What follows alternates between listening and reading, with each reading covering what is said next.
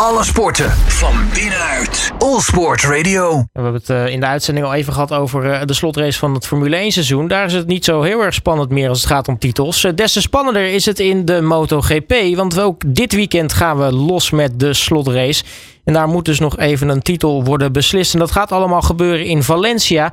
Daarop ga ik vooruitblikken met Joey Litjens, analist bij Ziggo Sport Racing, maar zelf ook nou ja, WK wegracer geweest in de 125cc. Joey, hele goedemiddag. Hey, goedemiddag. Ja, het wordt echt ongelooflijk spannend daar in Valencia dit weekend, hè? Nou, kijk, uh, ja, want we hebben nog, uh, nog 37 punten te verdelen in deze MotoGP-wedstrijd. Dus het is spannender dan de voorgaande seizoenen als er een groot verschil is. Hè. Lees 21 punten. Normaal is 21 punten redelijk safe voor een kampioenschap voor Pecco Bagnaia in deze. Maar met 37 punten nog te verdelen kan het echt nog gewoon alle kanten op, ja. Ja, toch had het spannender kunnen zijn als we toch even terugpakken op Qatar. Hm. Ja, dan zeg je wat.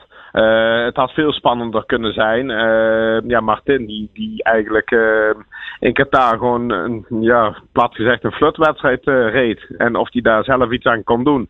Ja, ik heb daar mijn twijfels bij. want als we zien dat hij toch al. op vrijdag had hij wat struggles, op zaterdag was hij al zijn struggles erboven en reed hij gewoon een, een, een berenwedstrijd hè, met de sprintrace op zaterdag in Qatar. En ja, en dan kom je op zondag en dan ben je, wil je van start gaan en dan heb je partij wielspin en vervolgens zak je gewoon eigenlijk terug in de tijdlijst. Ja, dan kom je toch ja, van de koude kermis thuis. Dus ja, het, had veel spannender kunnen zijn. Ik denk dat uh, Qatar, uh, mijn ervaring leert dat dat toch misschien al de eerste klap was in het kampioenschap voor uh, Pecco Bagnaia. Ja, hij zei zelf ook al, Martin, dat nou, misschien zijn titel wel gestolen is door die slechte band die hij had in, in Qatar. Maar goed, ja, Valencia moet natuurlijk nog wel even gereden worden. want nou ja, laten we eerlijk zijn, dat hebben we dit seizoen ook gezien tijdens de MotoGP. Elke race kan weer totaal anders zijn dan je verwacht.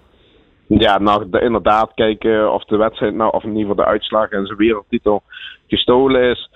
Ja, dat was wel een, een sterke uitspraak. Uh, ik heb daar ook wel een mening over. Ik vind het ook een beetje vreemd hoe het is gelopen. Ja, goed, een beetje, daar kunnen we een, boekje over gaan schrijven, maar daarvoor hoeven we het nu niet uh, te hebben. Het gaat erom dat het kan gewoon nog steeds alle kanten op. Hè. En, een scenario wat je kunt indenken is dat Martin gewoon weer een beren sprintrace kan gaan rijden en Pecco gaat eraf.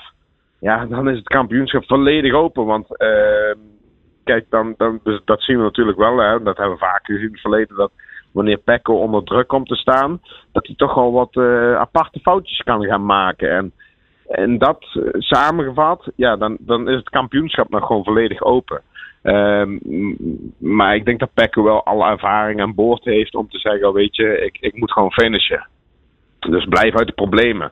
Maar Martin is gewoon een. Uh, ja, dat is gewoon een, een, vuurvreter, dus een killer. Uh, die gaat ervoor, die zal alles op alles gaan zetten om, uh, om, om toch ja, een, een, een, een gooi te doen naar het wereldkampioenschap. Want dit is gewoon zijn kans. Ja, dat zagen we stiekem ook, ook wel, als we toch even nog één keer terugpakken op Qatar. Dat zagen we daar ook wel in die sprintrace. Dat, dat Martin heel fysiek was, zette zijn motor ertussen. Schuwde het contact met, met Banyaya niet, die daar eigenlijk... Uh, nou ja, een beetje door, nou, misschien niet verrast, maar ook niet, ook niet verbolgen. Maar toch even iets had van, ja, als je het spelletje zo wil spelen, kom dan maar op. Ja, nou ja, ik vond dat uh, mega gaaf. Uh, ik zie dat graag. Het moet fair blijven. Uh, ja, het is gevaarlijk, dat klopt. maar uiteindelijk is dit wel wat de kijkers trekt. Um, en dat is ook wat de rijder siert. Martin is gewoon, wat ik al zei, een vuurvreter, een aanvaller. Het is gewoon een killer eerste klas. En, en wat dat dan gaat, is Banjaya gewoon iets meer bekeken. Uh, echter, het, het, blijven natuurlijk een, een Spanjaard, Martin, en een Italiaan, Banjaya. En op de baan zijn het gewoon vieze, vieze ratten, om het even heel plat te zeggen. Dus ja, weet je, daar gaan echt wel mentale spelletjes gespeeld worden. Absoluut. Dat hoort gewoon bij een wereldkampioenschap. Dat hoort over het algemeen als je een titel wil binnenhalen. Ja, dan moet je alles uit de kast halen wat maar in de kast hangt. En ja, als daar een beetje fysiek contact bij hoort, dan doen we dat maar al te graag. Uh, het moet fair blijven. Het is een, uh, de jongens dragen natuurlijk ook een stukje voorbeeld. Hè. Uh, het komt mondiaal op tv. Dus het is nou niet zo dat ze elkaar echt pijn willen doen door bepaalde acties. Dat echt niet. Daar ken ik ze beiden goed genoeg voor. zo zijn zij niet. Maar je haalt alles uit de kast wat gewoon in je bereik ligt om toch het beste eruit te halen. Ja. Nou, nu is het heerlijk dat er natuurlijk die sprintraces zijn. Want nou ja, toch zoals we dit seizoen iets hebben gezien, is dat ja, als we toch één iemand mogen bombarderen tot Mr. Sprintrace, dan is dat wel Jorge Martin. Absoluut, ja. En dat was voorafgaand aan het seizoen ook wat te verwachten. Hij was een van de weinige coureurs. Want alle coureurs, de meerderheid van de coureurs, om het zo even te zeggen, was heel sceptisch. Hij was er heel enthousiast over. En hij heeft het ook waargemaakt. Um, hij heeft veel punten gescoord. Laten we niet vergeten dat Pekko ook in het begin, en het eerste deel van het seizoen, hè, de eerste tien wedstrijden van het seizoen, scoorde hij over het algemeen de meeste punten in zijn sprintrace. Dus ja, dat is het mooie van die hele sprintrace, dat hele concept. Ik vind het ontzettend mooi, super gaaf. Echt voor de kijkers een toegevoegde waarde. Maar uiteindelijk ook voor de creur, want de creur wil gewoon racen. Uh, ja, het concept werkt. Dat durf ik wel te zeggen. Want daardoor is het kampioenschap maar nog één wedstrijd te gaan. Uh, twee wedstrijdjes eigenlijk, om het toch maar zo even te noemen. Staat gewoon nog helemaal open. Want zoals al eerder in dit gesprek gezegd, 21 punten is veel. Maar door de komst van de sprintrace is dat niet meer zo heel veel. Ja, gaan we twee totaal verschillende races zien, denk je, eh, ten opzichte van elkaar? Ja, wel. We hebben de afgelopen eh, wedstrijden toch wel, sinds we uh, over zee zijn gegaan met het hele circus, hebben we toch wel gezien dat de sprintrace soms totaal anders uitpakt dan de hoofdrace. En dat heeft vooral te maken met bandenmanagement. Ja, want die banden, dat, uh, dat is sowieso een verhaal op zich. Maar leg even uit. Um, nou kijk, weet je, bandenmanagement is gewoon een hot item in MotoGP. Je hebt natuurlijk te maken met heel veel gewicht. Uh, van de motor, of heel veel vermogen van de motor. Je hebt gewichtsverdelingen in de motor. Hè. Denk bijvoorbeeld aan de winglets, hè, de vleugeltjes die op de motoren zitten. En dat resulteert erin dat de banden die minder doorontwikkeld zijn dan de motor, dat de slijtage soms veel hoger ligt dan verwacht. En dat is ook het stukje bandenmanagement wat echt al begint op de allereerste training van een weekend. Daar komt nog eens bovenop dat je niet meer zoveel heel veel vrije, uh, vrije trainingen hebt om een bepaalde uh, wedstrijdsetting te, te, creëren. Want je moet je meteen kwalificeren voor de sprintrace en de hoofdrace. Dus de trainingstijd is beperkter en de performance uh, vraag is groter. en daarbij de ontwikkeling van de motoren die veel is toegenomen. Denk dus uh, samengevat aan de winglets. En de bandenontwikkeling die een klein beetje is achtergebleven. Ja, dan speelt bandenmanagement eigenlijk wel de key factor. En dat hebben we echt wel gezien in de laatste drie wedstrijden. Eigenlijk vanaf dat we Europese, of overzees zijn gegaan. Dat de bandenmanagement wel key was. Dan zagen we in de sprintrace konden ze kiezen voor een soft achterband, een zachte achterband. En in de hoofdrace voor medium. Maar dat is een totaal ander gevoel wat de rijder daarbij krijgt. En als het gevoel er niet is, is het vertrouwen er niet, kun je niet aanvallen. Ja, dan krijg je een andere wedstrijd. Nou, voordat we ook uh, wel even wat andere verhaallijnen erbij pakken, nog even kort over eh, uh, Gorge versus uh, Francesco, of Gorge versus Pecco, Pecco versus Martin, hoe je het ook wil noemen. Wie verwacht jij dat er in Valencia aan het einde van het weekend met die wereldtitel staat? Ja, als we kijken naar de ervaring, denk ik toch Banyaya. Ehm, maar ik hoop ergens, mijn mening is toch wel, of mijn, ja, mijn voorkeur heeft Martin. En dat heeft twee redenen. Dus ehm, uh, als we ieder jaar een nieuwe kampioen zien, is dat goed voor de MotoGP in mijn ogen. En het zou wel heel gaaf zijn als het een keer een independent team, dus een niet-fabrieksteam, kampioen wordt. Uh, maar daar wil ik wel bij zeggen, is het dit jaar niet. Dan heeft die kans heel groot dat het volgend jaar wel is. Want we hebben natuurlijk een, uh, Mark Marquez die na 11 jaar afscheid neemt van een, een Repsol Honda. En die met een klantenteam, klantenmotor op Ducati gaat rijden. Dus ja, ik snap ergens wel dat de druk voor Pecco ook alweer hoog is. Als fabriekscoureur wereldkampioen worden, misschien is dit wel een van zijn laatste kansen. En dan uh, toch even andere namen erbij pakken. Ja, je noemde hem al even. Uh, Mark Marquez, uh, natuurlijk een, een, legende in de sport, laten we heel eerlijk zijn. Die, die neemt na toch behoorlijk wat jaartjes, elf, neemt hij afscheid van, van het Repsol Honda team. Ja, dat is toch uh, ja, de end of a decade, als we een, een mooi Nederlandse term mogen gebruiken. Ja, dus uh, bizar. Ik heb wat interviews gezien de laatste dagen. Het is echt ongelooflijk wat, wat een ballen die vent heeft gehad. Dat hij ehm, durft te zeggen: Ik heb een nieuwe uitdaging nodig.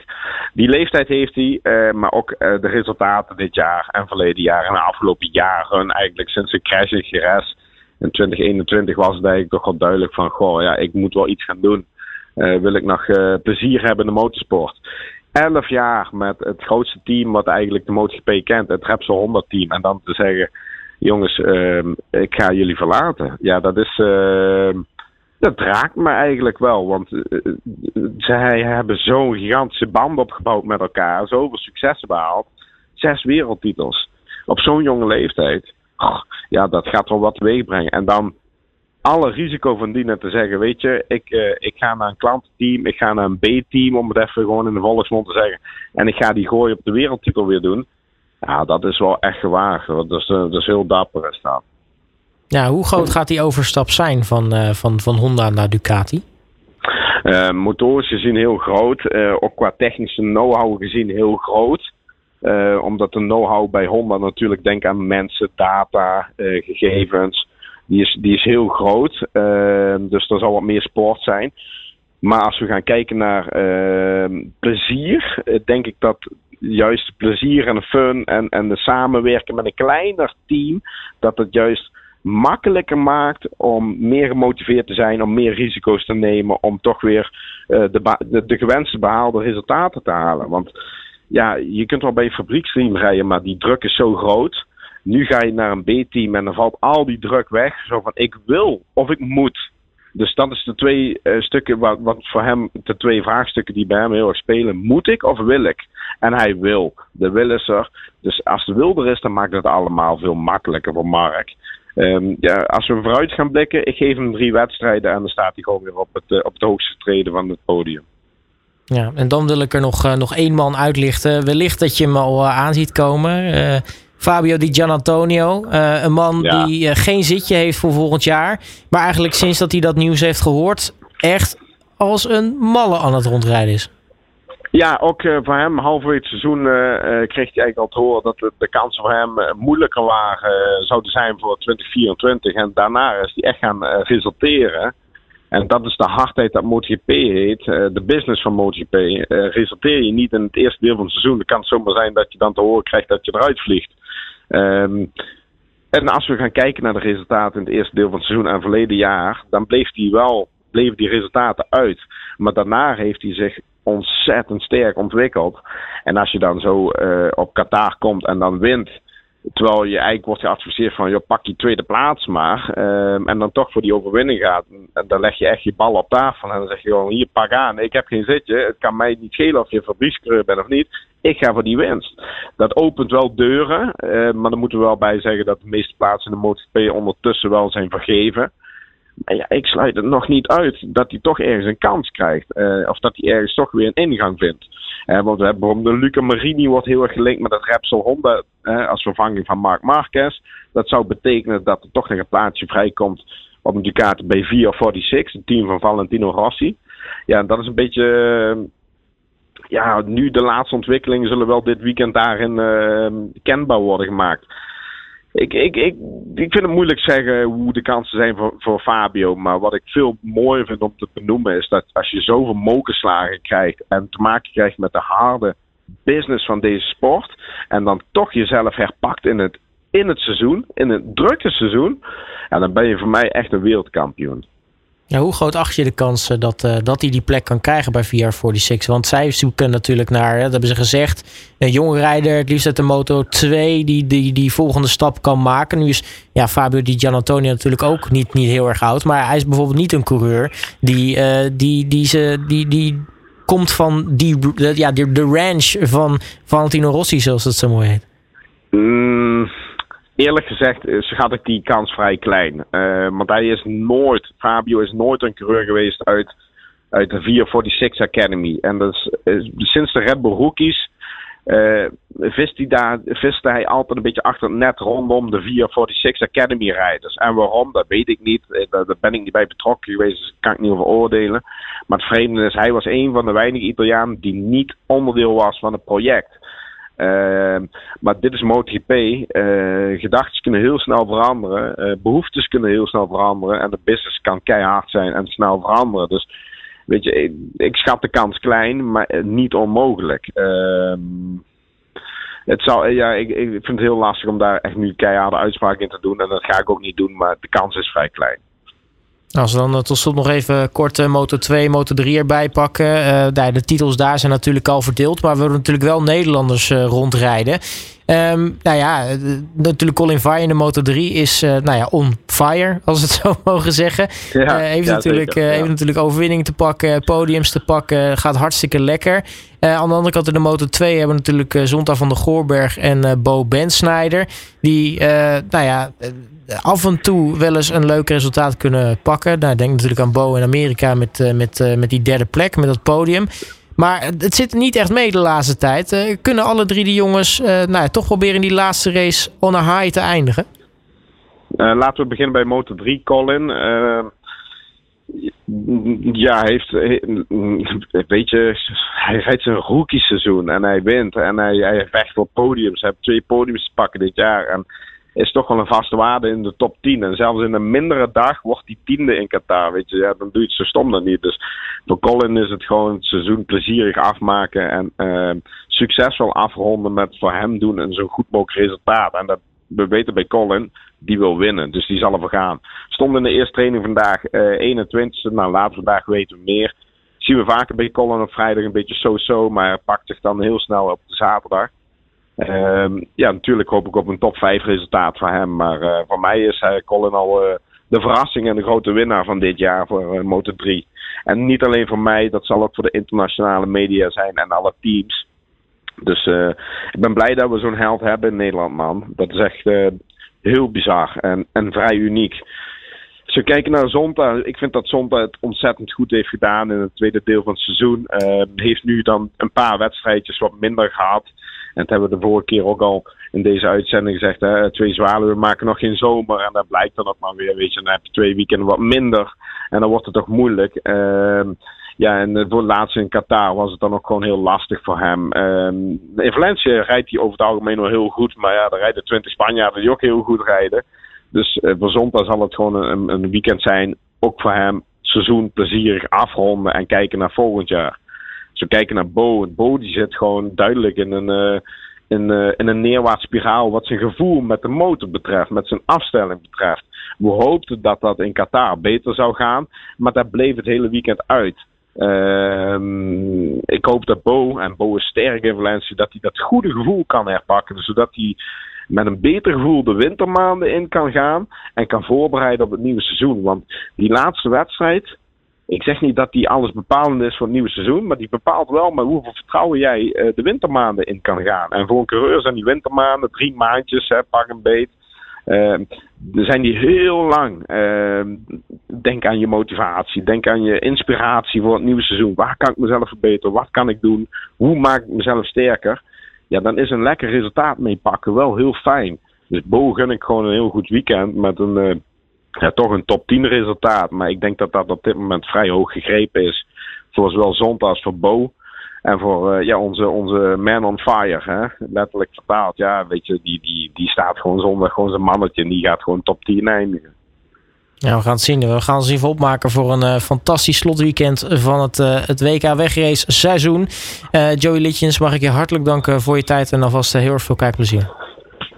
Yes, dankjewel. Op naar volgend jaar zou ik zeggen. En iedereen heel veel kijkplezier met deze laatste MotoGP. Alle sporten van binnenuit. All Sport Radio.